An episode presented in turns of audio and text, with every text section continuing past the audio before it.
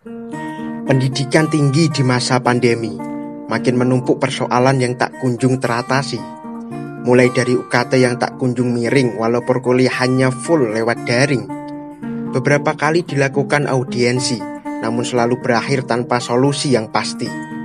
Birokrasi berdalih masih menunggu regulasi, padahal sudah setahun pandemi ini terjadi. Ditambah lagi soal kasus-kasus pelanggaran etika akademik yang seolah dibiarkan makin mencoreng marwah kampus sebagai wahana ilmu pengetahuan. Ketika nalar kritis mahasiswa justru dibalas dengan tindakan represif, niscaya akan menciptakan iklim akademik yang tidak kondusif. Maka tumpukan persoalan harus segera diselesaikan, karena pendidikan adalah kunci pembangunan, dan pembangunan adalah kunci dari kemajuan. Hidup pendidikan Indonesia.